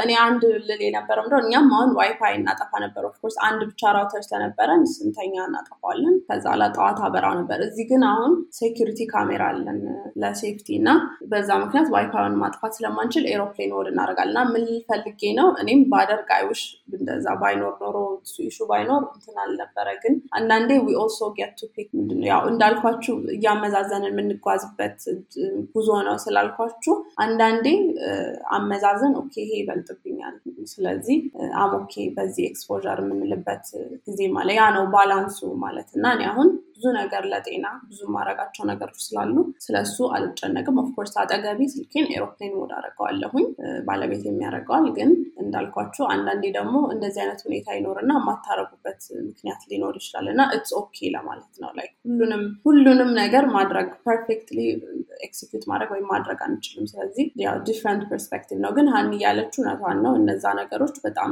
useful ናቸው። በፊት እኛም ተጠቅመናቸው እናውቃለን። yeah ይሄ ያው ሁላችንም የተለያየ ቦታ ነው ያለ ነው ማለት ያለን እድል የምናገኛቸው ነገሮችም የተለያዩ ናቸው። የምንችለውን ነው mention ስናደርግ ለእኛ የሰራልንን ነገር ስንናገር ይሄም አለ ወይም ደግሞ ካልነው ውጭም ደግሞ ሌላ ነገር የማሰብ አለ brainstorm እንደማድረግ ማለት ነው። እንደዛ እንዲረዳ በሚል ነው እንጂ ነገ ተነስቶ ሰው ሁሉ ያለውን ነገር መጣል እንደዛ ማድረግ አይቻልም። እሱ እንደም መልሶ ቀስ እያለን የምናድግበት ነገር ካልሆነ መልሶ የባስ ነገር የመተው አዎ ነገሮች ስለሚከተል በራሳችን pace ቀስ እያለ one thing at a time ያልሽው በቃ በአንድ ጊዜ አንድ ነገር። በአንድ አመት ራሱ ለምሳሌ ሰው cook አድርጎ የማይበላ ከሆነ ቁርሱን እንኳን cook እያደረገ ቢበላ something አይደለ? እንደዛ መጀመር ለአንድ አመት የሆነ ነገር master ማድረግ ከዛ በሚቀጥለው አመት ደግሞ እንደዚህ እያልን መሄድ እንችላለን። ወይም ደግሞ ያለብን የጤና እክል ካለ መድኃኒት በመውሰድ ብቻ መድኃኒት መወሰድ አለበት አስፈላጊ በሆነበት ሁኔታ። ግን በሱ ብቻ መፍትሄ የማናመጣ ከሆነ ምናልባት ህይወታችን አንቺ የግል ያጋጠመሽን ነገር ገና ተማሪ እያለሽ የነገርሽን ብዙ ነገርሽን ቀይሮታል። ከዛ በኋላ አኗኗርሽን ምናምን። ስለዚህ አሁን ሰውም የጤና እክል ካለበትና በጊዜው ለረጅም ጊዜ ይዞት የማይፈታ ነገር ከሆነ ወይም ከህክምና ለውጥ ማምጣት ካልቻለ ምናልባት የህይወት style ኡን አኗኗሩን መቀየር ይኖርበት ይሆናል። ስለዚህ እሱን አቅጣጫ እንዲያዩት እና እንዲሁ መረጃው open ሆኖ ለማሰብ እንዲረዳ በሚል ነው ውይይት መቶ በመቶ እኔም እስማማለሁ። በተለይ ደግሞ እውነቴን ነው እንደዚህ አይነት ቦታ አንዳንድ ጊዜ አሜሪካ፣ Europe it's nice accessibility ው it's nice። ምክንያቱም ሄደን organic ነገር ዝም ብለን መግዛት store ውስጥ ገብተን ያው afford እስካደረግነው ድረስ ሄደን መግዛት እንችላለን። ወይም የሆነ ቦታ ሄደን እንደዚህ ለጤና የሚጠቅም ምክንያቱም consciousness ኡ ትንሽ እያደገ ስለሆነ እዛ it's easy it's challenge ግን እኔ ደግሞ በጣም የወደድኩት challenge ነው። ምክንያቱም ብዙ ነገር ከ scratch እንድሰራ አድርጎኛል እና እውነቴን ነው እጄን እንድጠቀም እና አሁን እዚህ tomato paste ለምሳሌ እንደ ምሳሌ በ simple ብነግራችሁ አሁን አሜሪካ BPA free lining ያለው ምናምን ብላችሁ መግዛት ትችላላችሁ። ብዙ organic የሆነ ቲማቲም እዚህ ሀገር እንደዚ አይነት option የለም እና እኔ አሁን ግን የተረዳሁት ነገር በጣም tomato paste መስራት ቤት ውስጥ በጣም ቀላል ነው እና በጣም በትልቅ ድስት ሰርቼ እንትን በቃ በቃ አድርጌ freeze አደረኩት። ምንም ነገር የለውም literally ቲማቲም ብቻ ነው ያለው እና አንዳንዴ wow እንደዚህ ነው። or kombucha እኔ በጣም ነበረ የምወደው እና አሜሪካ በእንትኑላ ነበር የምገዛው የሚቀዳበት የምንሄድበት ቦታ ነበረ እና እዚህ ይቺን ለምታክል ለኤት አሁን ስንትን አራት ዶላር አምስት ዶላር ነው እና I've made my first kombucha actually እና በጣም I'm so happy with it እና was በጣም surprised እንዴት easy እንደሆነ እና ሁሉንም ስሩ ለማለት አይደለም እኔ ግን የምወደው ነገር ነው ነገሮችን በእጄ ከ scratch መስራት really nice። ግን ያው access ባለን መንገድ እንትን እንላለን። ግን አንዳንዴ ደግሞ እንደ negative ሳይሆን እንደ positive አይተ ነው እንደ challenge ቆጥረነው creative እንድንሆን ያደርገናል የሚል እንትን እና one last የምለው ነገር ምንድን ነው አንዳንድ ጊዜ ብዙ ጊዜ I'm sure ሀኒዬም አጋጥሞሻል ስለ ጤና እንደዚህ አይነት ሳወራ ይሄንን ለልጆች አልጠቀምም ለራሴ ይሄን አላረግም ሽቶ አልቀባም ወይም ሽቶ በተቻላችሁ መጠን ተቀብታችሁ እቤት አትምጡ። በተለይ ህጻን ልጅ ሲኖር ምናምን እንደዛ ስል ሰው በጣም difficult ለምን አስቸጋሪ ለምን? or ለምን በቃ በጣም ታበዣለሽ ምናምን ወይም ደግሞ እንጂ በቃ አንቺ መቼም ለጤና ምናምን የሚለኝ ብዙ comment አገኛለሁ እና እሱን address ለማድረግ ነው። ምንድነው ማለት ስለ ጤና ማሰብ እውነት ለመናገር picky መሆን አይደለም። በቃ ማለት I wish አሁን health freak ነሽ የሚሉኝ ብዙ ሰዎች አሉ እና I wish ሁሉም ሰው health freak ቢሆን ምክንያቱም የምንኖርበት አለም ዳወራ ነው ቀላል ቦታ አይደለም እና ጤናማ ለመሆን መሆን guaranteed አይደለም። ራሳችን የምንሰራው ነገር ነው የምንሰራበት ነገር ነው እና difficult መሆን አይደለም። ሁለተኛ ምላችሁ ሰው ለብዙ አይነት ነገር preference አለው ራሱ አይደለ። ስለዚህ ጤናማ ለመሆን የምናደርገው ጥረት ላይ እንደዛ ማለቱን እኔ አልስማማበት። ምክንያቱም ሌላው ሰው ሁሉ በሌላ ነገር የሚመርጠው ምርጫ እንዳለው እኛም ይሄንን እንመርጣለን እና ያው የሰውን ምርጫ respect ማድረግ አለብን። ጤናማ መሆን አልፈልግም ቢል I respect that እኔ ማለት አሁን የደረስኩበት እንትን that's it በቃ ሰው የራሱ ምርጫ የራሱ የኑሮ ጉዞ ስላለው አከብራለሁኝ። ግን የኔም ደግሞ ምርጫዎች እንዲከበሩ እፈልጋለሁኝ ባይነኝ። ግን ሌላው ደግሞ even ለራሳችሁ ሊረዳችሁ የሚችለው ነገር አንዳንዴ ከዚህ ጉዞ መጀመሪያ ላይ ለመጀመር ሀሳብ ላይ ከሆናችሁ non negotiable ወይም የማትደራደሩባቸው ነገሮች ማዘጋጀት ነው በጤናችሁ ላይ። አሁን እንዳልኳችሁ ጫማ ማድረግ ቤቴ ውስጥ ትንሽ ነገር ይመስላል፣ ግን አንዳንዴ challenging ነው እንዳልኳችሁ። ምክንያቱም እኔ ብቻ አይደለሁም፣ እንግዳ ይመጣል፣ ሰው ይመጣል፣ አንዳንዴ ስራ የሚሰራ ሰው ይመጣል እና እውቀቱም ስለሌለ ያለው effect ወይም ደግሞ በቃ ያልተለመደ ባህል ስለሆነ resistance ሊኖር ይችላል። ግን okay የራሳችሁ ለራሳችሁ ጤና non-negotiable የሆነ ነገሮች ወይም ደግሞ የማትደራደሩባቸው ነገሮች ማዘጋጀት ትችላላችሁ። በቃ የመጨረሻ ምለው ይሄ ነው። thank you ህይወቴ። በጣም ብዙ ነገር ነው የተነጋገርነው። በጣም ብዙ የሚረዳ ማለት ነው።